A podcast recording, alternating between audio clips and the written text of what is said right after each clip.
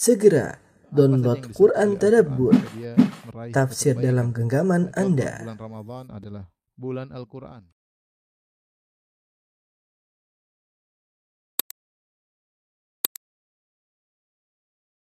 Bismillahirrahmanirrahim.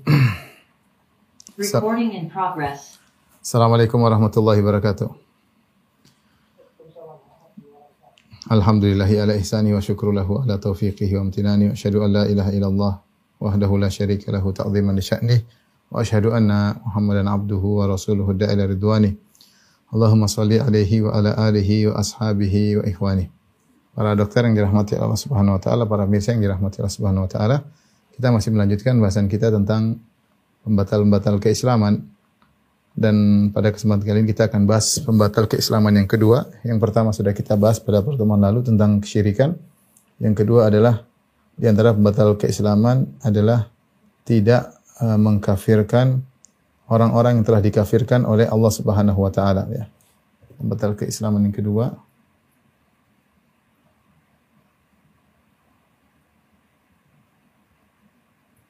yaitu tidak mengkafirkan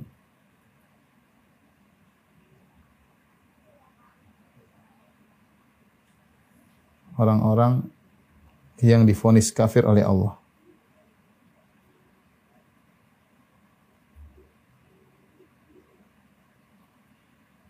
Atau meragukan kekafiran mereka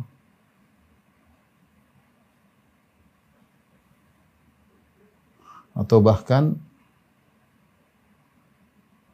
membenarkan membenarkan agama mereka. Jadi ada tiga hal. Yang pertama tidak mengkafirkan eh, orang-orang yang difonis kafir oleh Allah atau yang kedua meragukan kekafiran mereka atau ketiga bahkan membenarkan agama mereka. Ini di antara batal eh, keislaman ya. Eh, kenapa dikatakan hal ini membatalkan keislaman? Karena kelaziman dari hal ini berarti mendustakan ayat-ayat Allah Subhanahu wa taala dan tidak menjalankan konsekuensi dari la ilaha illallah. Ya, contoh seperti eh, zaman sekarang muncul sebagian orang-orang yang tidak memfonis kafir Yahudi dan Nasrani misalnya atau agama-agama penganut-penganut agama di luar Islam. Mereka mengatakan mereka juga tidak kafir, mereka juga uh, berijtihad, ya, mereka juga bersungguh-sungguh, mereka juga baik. Bahkan yang lebih parah mereka juga penghuni surga, mereka juga benar ya. Ini perkataan-perkataan yang sangat berbahaya karena uh, melazimkan pembatalan uh, ayat-ayat Allah Subhanahu wa taala karena Allah telah banyak memfonis kafir mereka dan juga uh, uh, membatalkan konsekuensi atau makna dari la ilaha illallah. Kita jelaskan sebab kenapa ini mengkafirkan.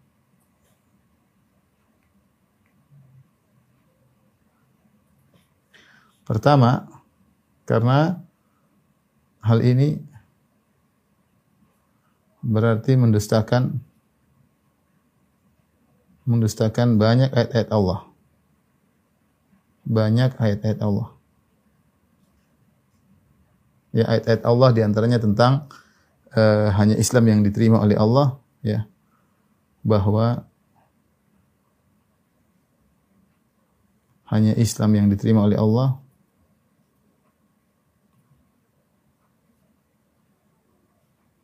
Ini ayatnya ada, kemudian juga ayat-ayat bahwa ahlul kitab kafir.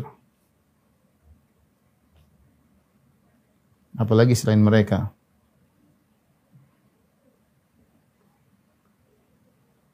Ya.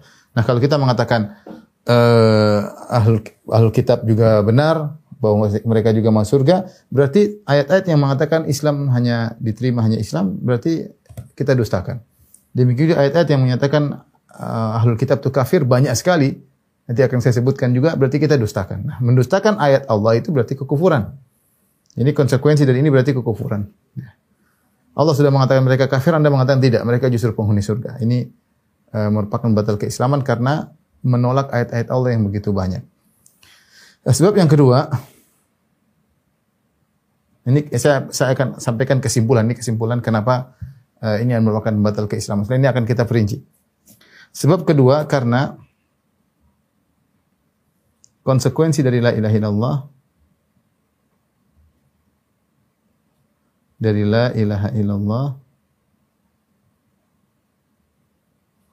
adalah menolak bentuk peribadatan kepada selain Allah.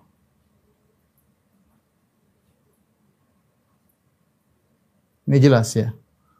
La ilaha illallah artinya tidak ada Tuhan yang disembah kecuali Allah. Tidak ada sesembahan yang berhak itulah ilaha illallah yang berhak disembah melainkan Allah.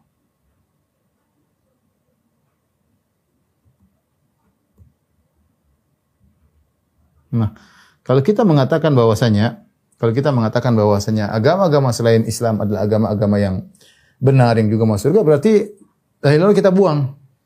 La ilaha illallah tidak ada yang berhak disembah kecuali Allah ternyata tidak benar la ilaha illallah. Berarti Islam kita enggak enggak enggak benar. Karena la ilaha illallah tidak ada yang berhak disembah kecuali Allah. Ternyata kita mengatakan selain Allah juga boleh disembah. Selain Allah juga buka, boleh di, disembah. Ini kesimpulan pembahasan kita pada kesempatan uh, siang hari ini adalah ini. Ya, jadi saya ulangi logika berfikirnya. Setelah ini akan kita jelaskan secara detail insya Allah taala. Di antara batal keislaman adalah uh, tidak mengkafirkan orang-orang difonis kafir oleh Allah atau ragu tentang kekafiran mereka atau yang lebih parah membenarkan agama mereka. Ya. Kenapa hal ini merupakan pembatal keislaman? Karena dua hal. Pertama, karena hal ini berarti mendustakan banyak ayat-ayat Allah Subhanahu wa taala. Ayat-ayat Allah bisa kita klasifikasikan menjadi dua. Pertama, ayat-ayat Allah tentang bahwa hanya Islam yang diterima oleh Allah Subhanahu wa taala. Kemudian yang kedua, ayat-ayat Allah yang uh, menunjukkan bahwasanya ahlul kitab adalah kafir, kekal di neraka dan dan yang selainnya banyak sekali.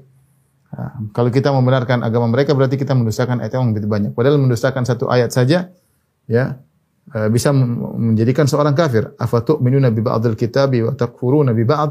Apa kalian beriman kepada sebagian ayat dan berkufur kepada sebagian ayat? Ini kekufuran. Yang kedua, karena konsekuensi dari la ilaha illallah adalah menolak bentuk dari peribadatan kepada selain Allah Subhanahu wa taala. Nah, orang yang mengatakan agama lain, penyembahan terhadap Buddha, terhadap Isa alaihissalam, terhadap uh, sapi dan yang lainnya adalah benar juga, maka dia telah membatalkan la ilaha illallahnya karena Itulah konsekuensi dari Allah dalam menolak peribadatan kepada selain Allah Subhanahu wa taala. Ini adalah kesimpulan uh, kesimpulan pembahasan kita pada kesempatan kali ini. Ini kesimpulan. Kesimpulannya uh, berikut ini kita akan menyampaikan uh, detailnya ya. Ini adalah kesimpulan. Tapi tolong di ini. Kita akan sampaikan secara detail setelah ini. Uh, adapun detailnya para dokter yang dirahmati Allah Subhanahu wa taala, ya. E, kita katakan tadi bahwasanya ada ayat-ayat ya dalil-dalil yang menunjukkan hanya Islam yang diterima. Hanya Islam yang diterima oleh Allah.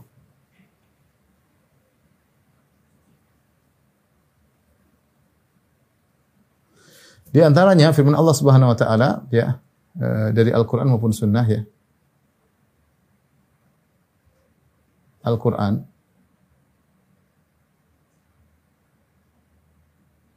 seperti firman Allah Subhanahu wa taala Inna dina indallahil Islam.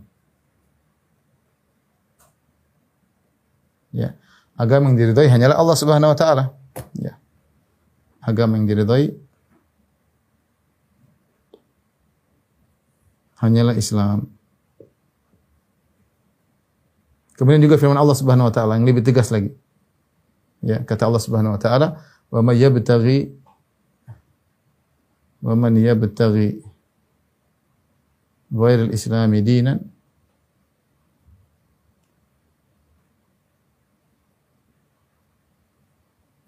fala yuqbal minhu."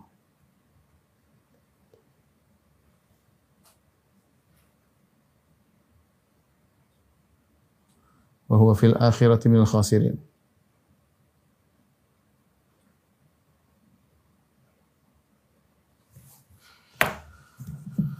La.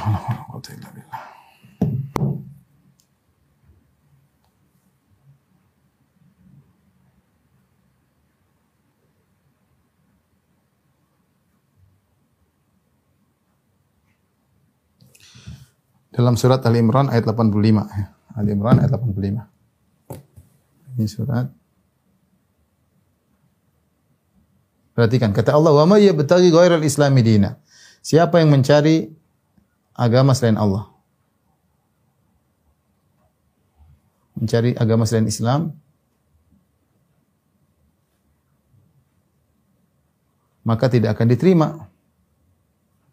Tidak akan diterima. Wa huwa fil akhirati minal khasirin dan di akhirat dia akan merugi.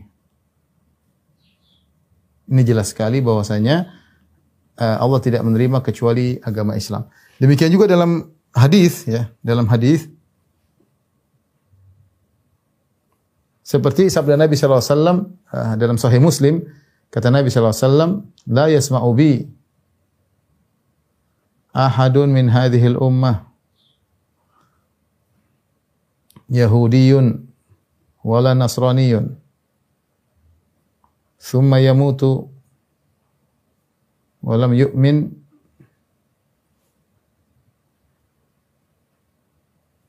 billadhi ursiltu bihi illa kana min ahli nar Kata Nabi SAW, tidak mendengar tentang tentang aku seorang pun dari umat ini.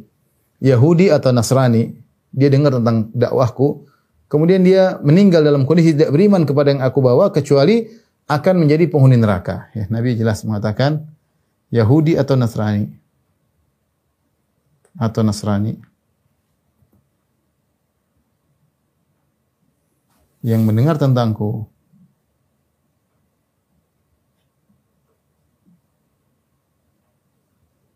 lalu mati tidak beriman kepadaku. Mati tidak beriman denganku kecuali masuk neraka.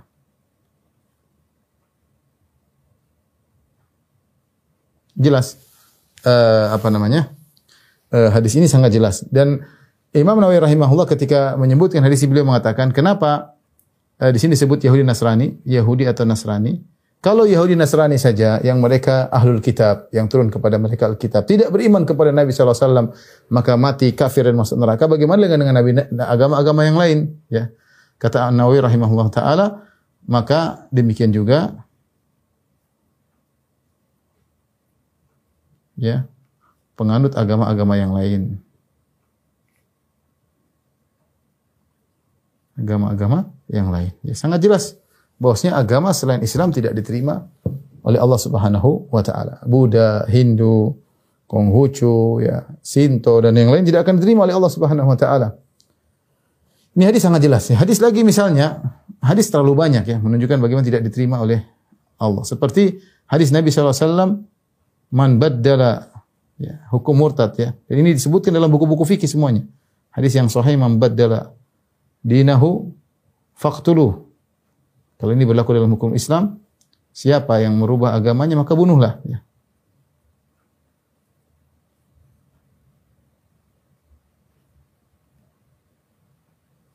Dalam hal ini murtad, maka bunuhlah. Ya, karena dalam Islam orang yang murtad uh, dibunuh. Ya, jelas, ini hadisnya jelas ya. Dan kita tidak berada dalam hukum Islam. Tapi kalau hukum Islam di negara Islam ada orang yang merubah agamanya, kalau dia sudah masuk Islam, kemudian dia murtad, maka uh, dibunuh. Berbeda dengan orang yang sejak awal mungkin dia beragama Nasrani, agama Yahudi, maka berbeda hukumnya ya. Kemudian juga praktek Nabi SAW ya. ya.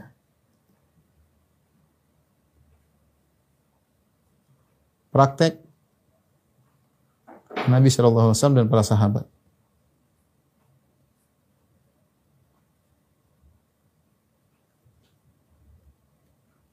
yang berdakwah yang mendakwahi ahul kitab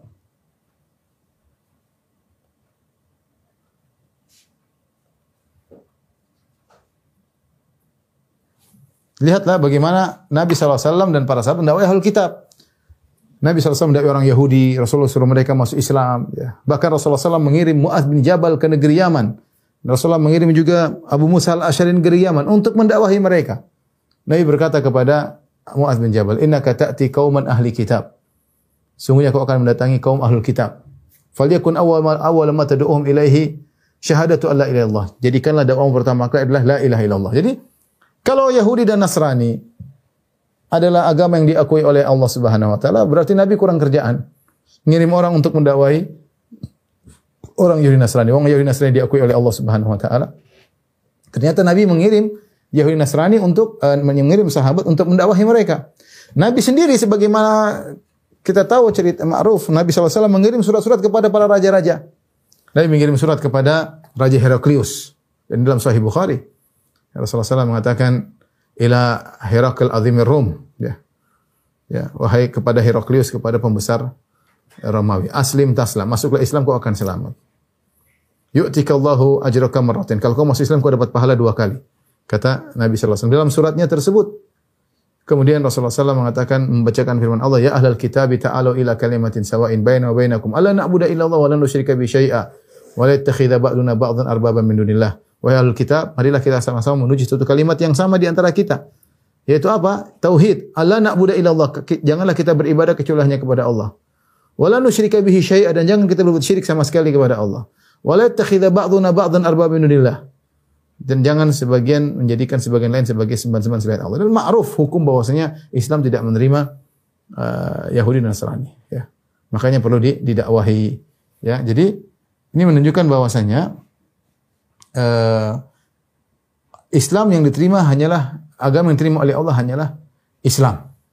Maka ada yang mengatakan bahwasanya Yahudi Nasrani juga diterima oleh Allah ini sama-sama agama samawi, uh, maka diterima juga oleh Allah inilah kedustaan Berarti dia telah mendustakan ayat-ayat Allah yang banyak, dia mendustakan hadis-hadis Nabi dan dia mendustakan praktek Nabi dan para sahabatnya.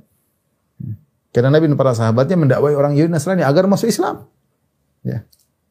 Agar masuk Islam. Lihat bagaimana kisah Salman Al-Farisi yang dari Nasrani kemudian masuk Islam.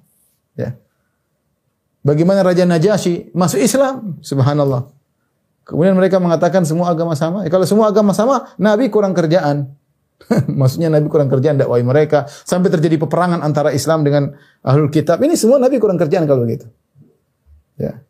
Nabi kurang kerja. Lebih pintar orang-orang liberal zaman sekarang yang mengatakan semua agama benar. Tapi inilah uh, dalil yang menunjukkan hanya Islam yang diterima oleh Allah. Barang siapa yang mengatakan orang Yahudi Nasrani juga benar masuk Islam, mereka juga masuk surga, maka dia telah mendustakan ayat-ayat ini. Tapi yang berikutnya dalil yang kedua. Taib, kita lanjut pada dalil yang kedua. Yang kedua. Dalil-dalil bahwa ahlul kitab kafir, musyrik di neraka. Banyak sekali. Dalilnya sangat sangat banyak ya.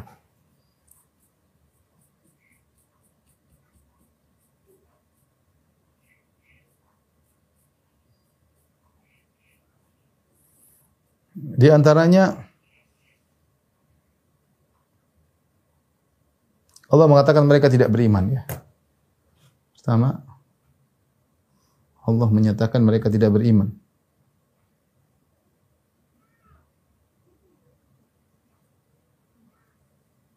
Seperti dalam firman Allah Subhanahu wa taala, qatilul ladzina la yu'minuna billahi wala bil yaumil akhir ya. Kata Allah, qatilul ladzina la yu'minuna billahi wala bil yaumil akhir. Perangilah orang-orang yang tidak beriman kepada Allah dan hari akhirat. Ini tentang orang-orang Yahudi, ya, tentang orang Yahudi ya.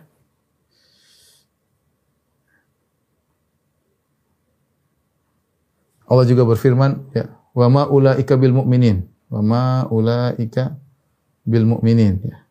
Kata Allah Subhanahu wa taala bahwasanya mereka tidak beriman. Maksudnya orang-orang Yahudi, mereka tidak beriman.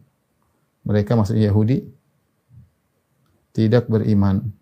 Artinya mereka beriman tapi benar-benar tidak beriman mereka tidak sah. Artinya iman mereka tidak sah. Tidak dianggap. Allah menyatakan mereka tidak beriman. Contoh lagi Allah mengatakan mereka kafir.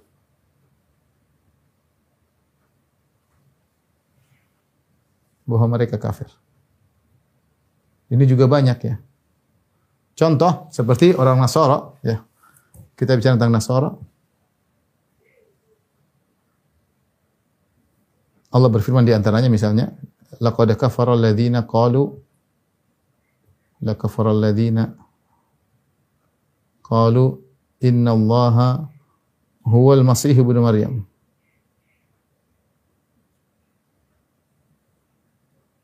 Sungguh telah kafir orang-orang yang mengatakan Allah adalah Isa, ya. Sungguh telah kafir. Sungguh kafir orang-orang yang menyatakan menyatakan Allah adalah Isa. Ayat yang lain. Kata Allah Subhanahu wa taala, "Laqad kafara alladziina qalu Inna Allah thalithu salasa."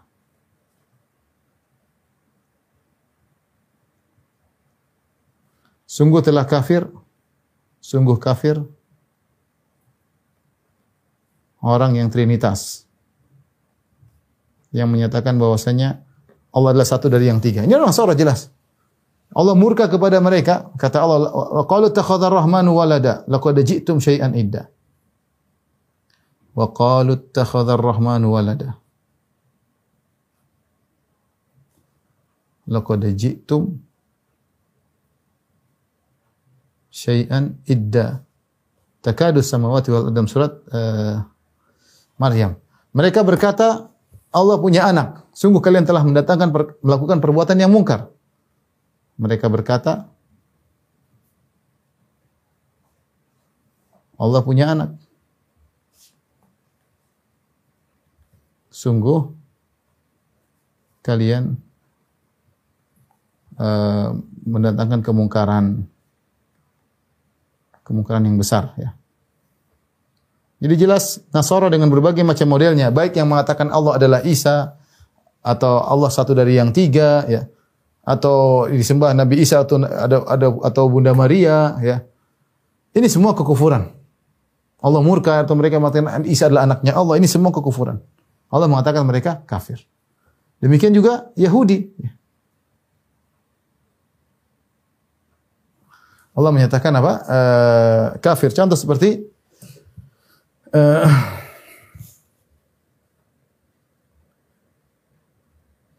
seperti firman Allah Subhanahu wa taala dalam surat uh, Taubah, "Wa qalatil yahudu Uzair bin Allah." Kata Allah Subhanahu wa taala, "Wa qalatil yahudu Uzair ibn Allah." Wa qalatin nasara al-masih ibn Allah. Dzalika qaulun bi afwahihim yudahi'una qaula alladziina kafaru. Kata Allah yudahi'una yudahi'una qaulal ladzina kafaru. Kata Allah, orang-orang Yahudi berkata Uzair adalah anak Allah. Orang-orang Nasara berkata Al-Masih adalah anak Allah. Dzalika qauluhum bi afwahihim. Itu perkataan mereka dari mulut mereka. Yudahi'una qaulal ladzina kafaru. Perkataan mereka persis seperti orang-orang kafir sebelumnya. Ya. Demikian juga Allah berfirman, "Ya ahlal kitab, lima takfuruna bi ayatillah?" Ya ahlal kitab.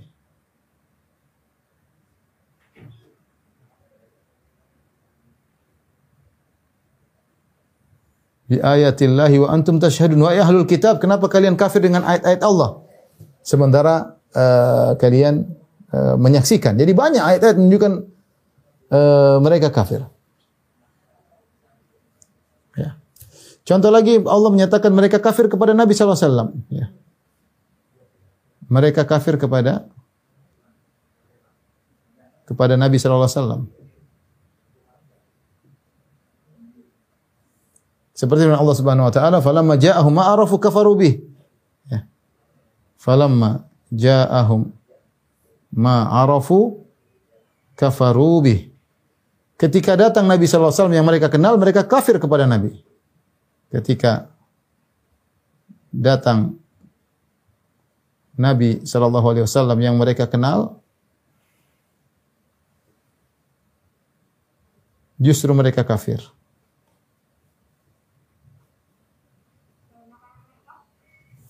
Jadi belum lagi ini ini di antaranya. Di antaranya misalnya, ya, uh, Allah menyatakan mereka di neraka jahanam. Ya.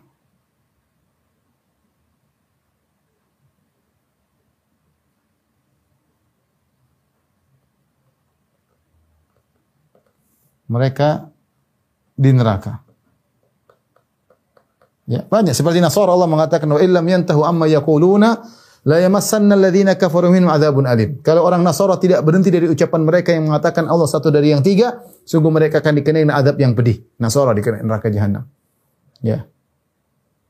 Innahu may yusyrik billahi faqad harrama Allah alaihi al-jannah wa ma'hu an-nar tentang Nasara. Setelah Allah menyebutkan mereka mengatakan Allah satu, Allah adalah Isa. Kata Allah, "Innahu may yusyrik billahi faqad harrama Allah alaihi al-jannah." Sungguhnya barang siapa berbuat syirik, menyatakan Allah adalah Isa atau Allah satu dari yang tiga, faqad haramallahu alaihi jannah Allah haramkan surga bagi mereka wa ma'wahun nar dan mereka di neraka jahanam. Ya. Orang Yahudi mengatakan wa qalu lan tamassana an-naru illa ayyaman ma'dudah. Qul attakhadhtum 'inda Allahi ahdan falan yukhlifallahu ahda. Ya, am taqulun Allahi ma la ta'lamun bala man kasaba sayyi'atan sayyi'atan wa ahatat bihi khati'atu fa ulaika ashabun narihum fiha khalidun. Kata Allah orang Yahudi berkata kami kalau masuk neraka hanya beberapa hari saja. Allah bantah, apa kalian pernah mengambil janji dari Allah bahwasanya kalian cuma di neraka tiga hari saja atau empat hari atau sepuluh hari? Ya. Dan Allah tidak menyelesaikan janji mereka. Bahkan kalian telah melakukan ke, ke, ke dosa yang dosa tersebut meliputi kalian sehingga kalian masuk dalam neraka jahanam kekal dalamnya selama-lamanya. Allah berfirman, "Innal ladzina kafaru min ahlil kitabi wal musyrikin fi nari jahannam khalidina fiha." Ulaika hum syarrul bariyah. Sungguhnya orang-orang kafir dari kalangan ahlul kitab dan orang-orang musyrikin di neraka jahanam kekal selama dalam di, neraka selama-lamanya. Jadi ayat-ayat seperti ini banyak sekali. Ya. Kalau kita mau kumpulkan uh, uh, banyak sekali yang ini menunjukkan ya mereka dihukumi musyrik, mereka dihukumi kafir, ya mereka dihukumi di neraka jahanam dan ini ayatnya banyak sekali. Ya, ya. Ini dua uh, model dalil-dalil kedua yang kalau kita mengatakan Yahudi Nasrani benar atau kita ragu dengan kafiran mereka, mereka kita mendustakan ayat yang begitu banyak. Kita mendustakan ayat yang begitu banyak.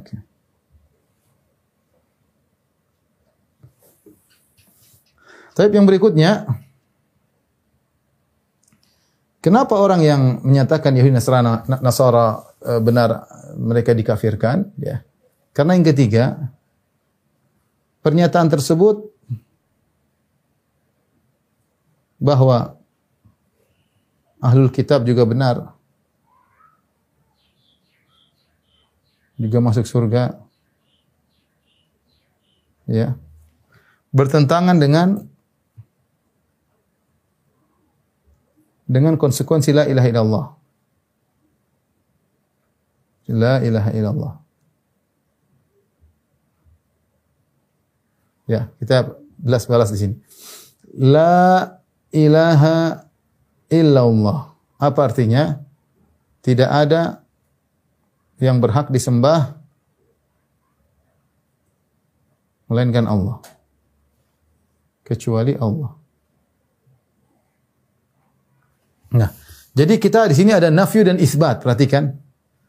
La ilallah mengandung dua. Ada al-isbat dan nafyu. An-nafyu penafian.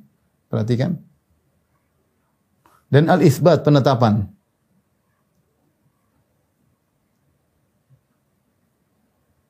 La ilaha tidak ada sembahan itu penafian. Tidak ada yang berhak disembah.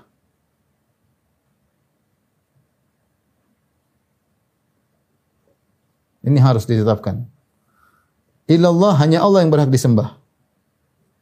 Ini penetapan. Nah, orang yang mengucapkan la ilaha harus memenuhi dua rukun ini. Rukun pertama, rukun kedua. Tidak boleh dia mengatakan, saya yang penting saya sembah Allah, saya tidak sembah Isa, saya tidak sembah Uzair, saya tidak sembah monyet, saya tidak sembah sapi, saya tidak sembah matahari. Tapi saya juga tidak menyalahkan mereka lah. Kalau anda mengatakan demikian, yang penting saya Islam dan saya tidak menyalahkan mereka, berarti anda tidak memenuhi syarat pertama dari la ilaha illallah ini harus dipenuhi. Berlepas diri dari sembahan selain Allah, menyalahkan. Harus menyalahkan sembahan selain Allah, harus menyalahkan, mengingkari ya, peribadatan kepada selain Allah.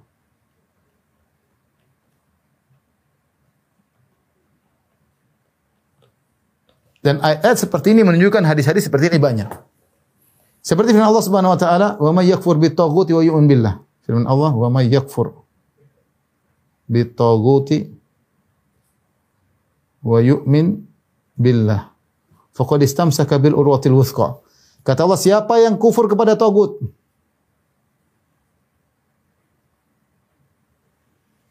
Kufur kepada tagut. Apa itu tagut? Semua yang disembah selain Allah. Tagut yaitu yang disembah selain Allah.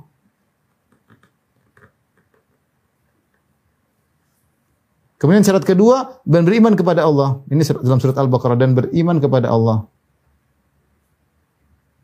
Faqad istamsaka bil urwatil wuthqa, maka dia telah memegang tali uh, tali yang kuat. Nah, harus ada nafyu wal isbat. Ini nafyu, perhatikan, ya. Ini nafyu. Kemudian ini isbat. Ya. Jadi tidak bisa orang mengatakan saya Islam, yang penting saya nyembah Allah saja, saya tidak berbuat syirik. Tidak, kamu harus berlepas diri pada kesyirikan yang lain. Ya. Kalau tidak maka la ilaha tidak tidak pas karena la ilaha terdiri atas dua. Nafyu dan isbat, penafian sesembahan selain Allah dan menetapkan sembahan hanya milik Allah Subhanahu wa taala. Jika tidak terpenuhi, maka la ilaha tidak batal, tidak benar. Makanya Nabi SAW berkata, Man qala la ilaha illallah wa kafara bima yu'badu min dunillah. Kata Nabi SAW dalam hadis, man kafara man qala la ilaha illallah kafara bima yu'badu min dunillah. Qala sallallahu alaihi wasallam,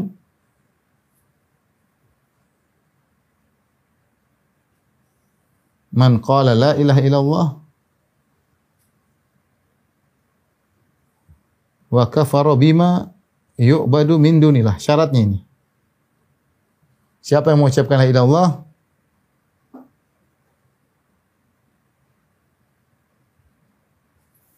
La ilaha illallah dan kufur kepada semua yang disembah selain Allah.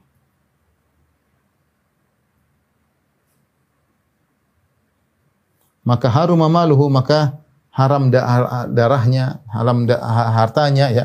Jadi syarat seorang la ilahnya benar itu harus ada nafyu dan isbat ya. Nafyu dan isbat. Dalam Al-Qur'an Allah bercerita tentang Nabi Ibrahim alaihissalam ya.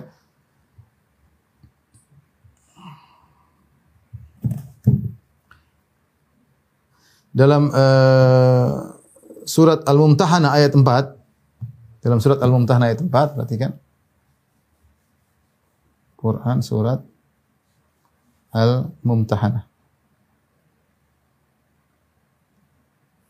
Allah berfirman, "Qad kanat lakum uswatun hasanatun fi Ibrahim walladzina ma'ahu." Sungguh bagi kalian ada teladan yang baik tentang Ibrahim dan orang-orang mengikutinya.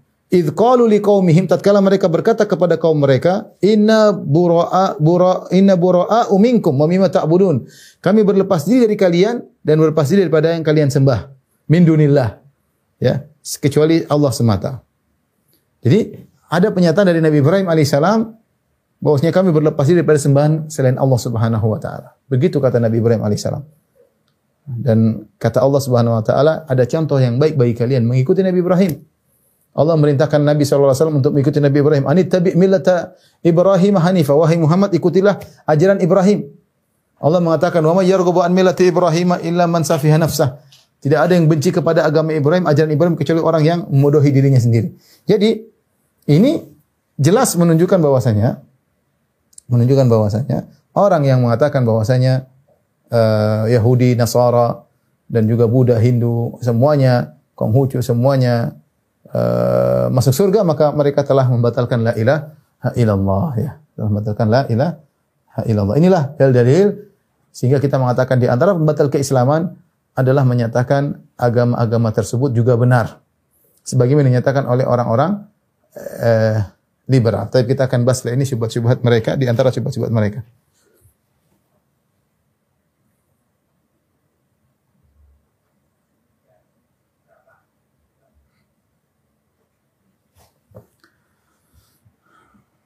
Nah, syubhat mereka banyak ya. Saya tidak akan bahas, saya sudah bahas dalam apa disertasi saya, tapi intinya di antara pemikiran logika orang liberal ya.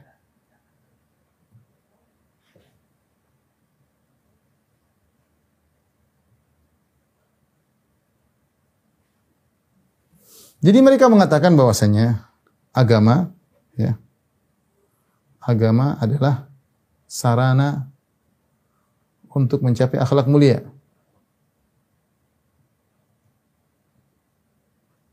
Peradaban yang baik dan yang lainnya.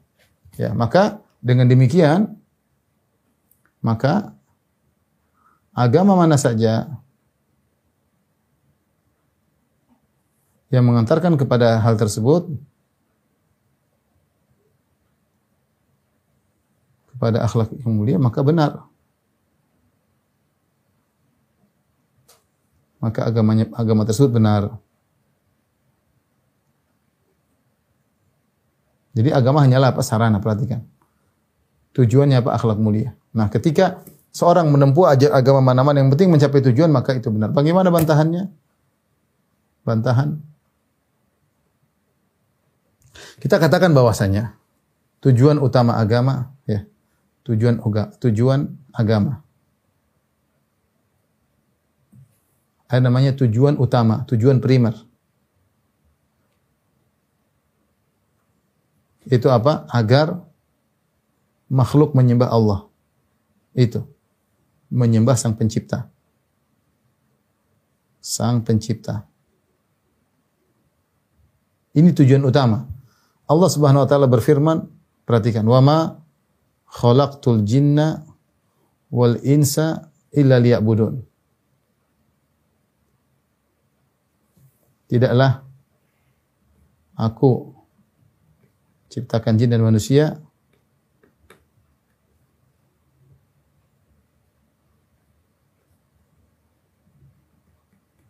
kecuali untuk beribadah kepadaku. Untuk menyembahku. Jadi hubungan yang paling tujuan dari agama yang paling inti adalah ini.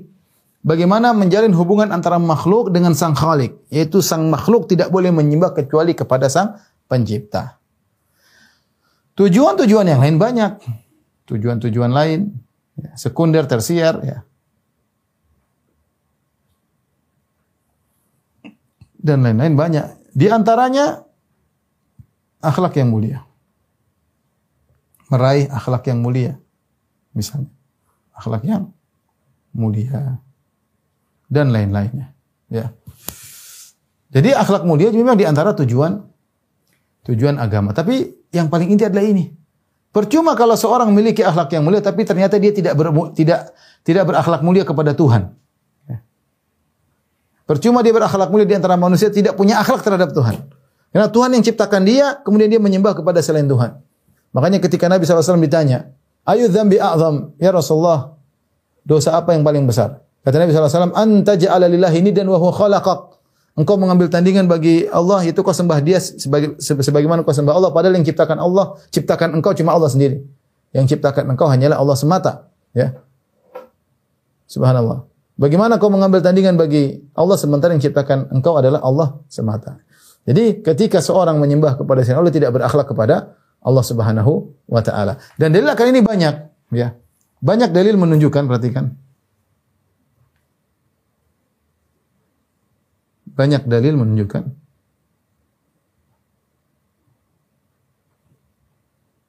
meski baik, meski berakhlak mulia, tapi tidak bertauhid, maka masuk neraka.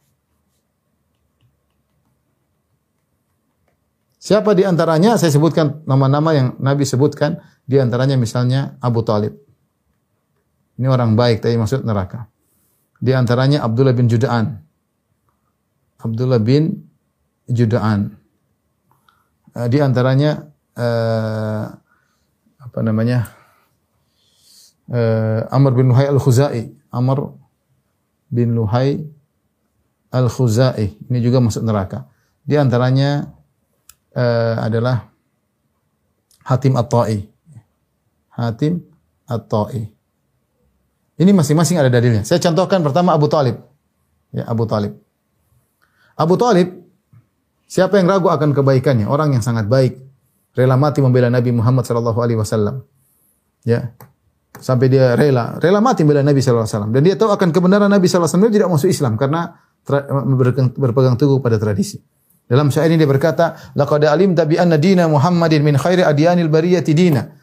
Walaula malamatu wa hidharu masabbatin lawajadtani samhan bidzaka mubina. Kata dia, aku sudah tahu agamanya Muhammad, agamanya ponakanku ini adalah agama terbaik di antara agama-agama yang ada. Saya sudah tahu banyak agama, yang terbaik agama ponakanku. Kalau bukan karena cercaan dan takut dihina, tentu kau akan dapati aku telah masuk Islam. Tapi dia tidak masuk Islam. Ketika dia akan meninggal dunia Rasulullah SAW datang. Rasulullah SAW mengatakan, Ya ammi kula ilaha illallah kalimatan wa andallah. Wahai pamanku ucapkan la ilaha illallah. Suatu kata yang akan bela engkau di sisi Allah nanti. Yang seandainya Abu Talib mengucapkan la ilaha illallah, mungkin dia lebih afdal daripada Abu Bakar dan Umar. Dia lebih afdal daripada Muhyiddin Ansar. Tetapi dia tidak mau mengucapkan. Aba ayyakul la ilaha illallah. Akhirnya dia meninggal dalam kondisi musyrik.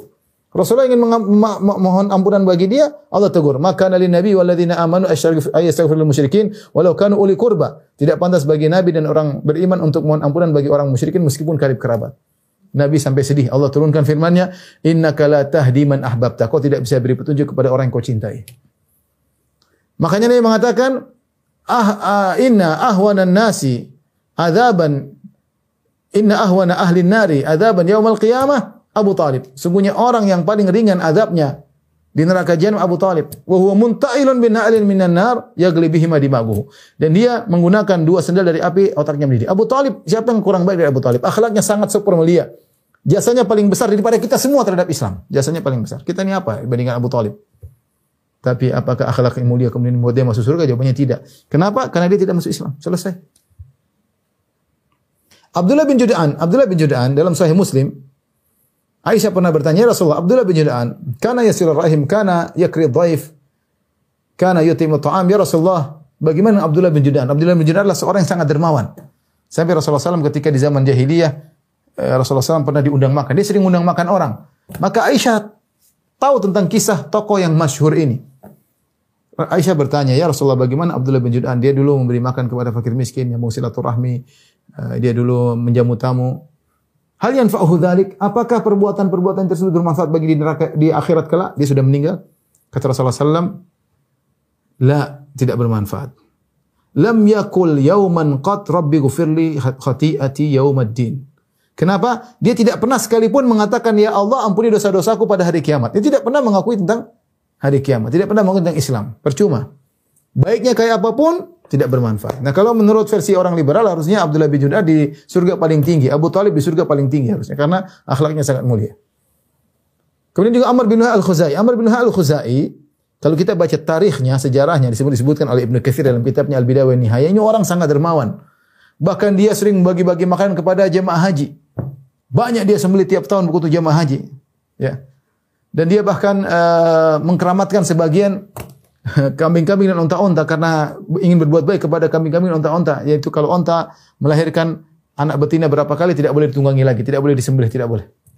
Tapi apa kata Nabi sallallahu alaihi wasallam? Ra'aitu Amr bin Luhai al-Khuzai yajurru qasbahu fin nar li'annahu awwalu man sayyaba sawaib. Aku melihat Amr bin Luhai al-Khuzai menggeret ususnya di neraka jahanam karena dia pertama kali membawa khurafat-khurafat, membawa kesyirikan ke negeri Arab. Ya, dia yang pertama kali men mengkeramatkan onta-onta dan kambing-kambing. Lihat.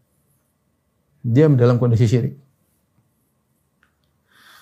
Akhlaknya mulia, tapi di neraka jahanam. Hatim Atai, Hatim Atai, dia punya anak sahabat namanya Adi bin Hatim. Adi bin Hatim. Hatim Atai yudrabu bihil bihil masal fil karam. Dia adalah orang yang diberi di, dijadikan selalu keteladanan dalam kebaikan, kedermawanan. Sangat baik, sangat menjamu tamu luar biasa.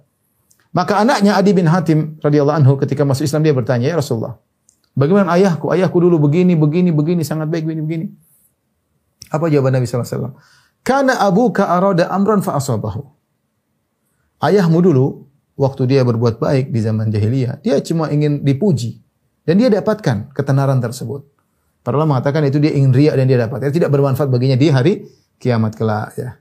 Jadi memang benar di antara tujuan agama adalah akhlak yang mulia, tapi itu bukan tujuan utama. Tujuan utama adalah bagaimana hubungan Anda yang sungguhnya Anda dengan Tuhan. Tuhan yang ciptakan Anda, maka Anda tidak boleh menyembah kepada sesama makhluk. Ya. Nah, agama-agama selain Islam mengajarkan kepada kesyirikan. Lantas bagaimana kemudian kita mengatakan semua agama benar dan semua agama masuk surga. Ini tidak tidak boleh. Oleh karenanya hati-hati seorang eh, kita bisa berbuat baik kepada sesama penganut agama yang lain, kita bisa toleransi, kita tapi tidak perlu kita membenarkan agama mereka, tidak harus. Nabi SAW bisa bertetangga dengan orang Yahudi di di Madinah, ya, tanpa harus menyatakan agama kalian benar juga. Tidak harus. Kita juga bertentangan dengan orang kafir di kampung kita. Kita berteman dengan teman-teman kita orang kafir di kelas dulu belajar bareng-bareng. Tanpa harus saya mengatakan karena agama juga benar. Tidak. Tidak harus. Beda antara akidah dengan bermuamalah. Ya. Ya, beda antara akidah dengan ber, bermuamalah. Maka eh, hati-hati kalau ada yang mengatakan semua agama sama ya. Hati-hati itu perkataan bisa maknanya buruk. Kalau maksudnya semua agama sama, maksudnya setiap agama ada menyuruh kepada akhlak mulia, ya mungkin kita bilang itu tidak jadi masalah ya. Setiap agama pasti ada nilai-nilai uh, yang baik ya. Tapi kalau maksudnya setiap agama benar, setiap agama benar, setiap agama surga, ya, ya sama-sama ya, menyembah Tuhan yang sama, sama-sama dan seterusnya ini hati-hati. Setiap kalimat kita yang yang mengkonsekuensikan bahwasanya agama selain Islam juga mau surga, agama selain Islam juga benar, itu adalah pembatal keislaman. Itu adalah pembatal keislaman. Ke seorang uh, waspada ya, kita bisa membina toleransi tanpa harus membenarkan agama orang lain ya. Sebagaimana mereka juga tidak membenarkan agama kita ya.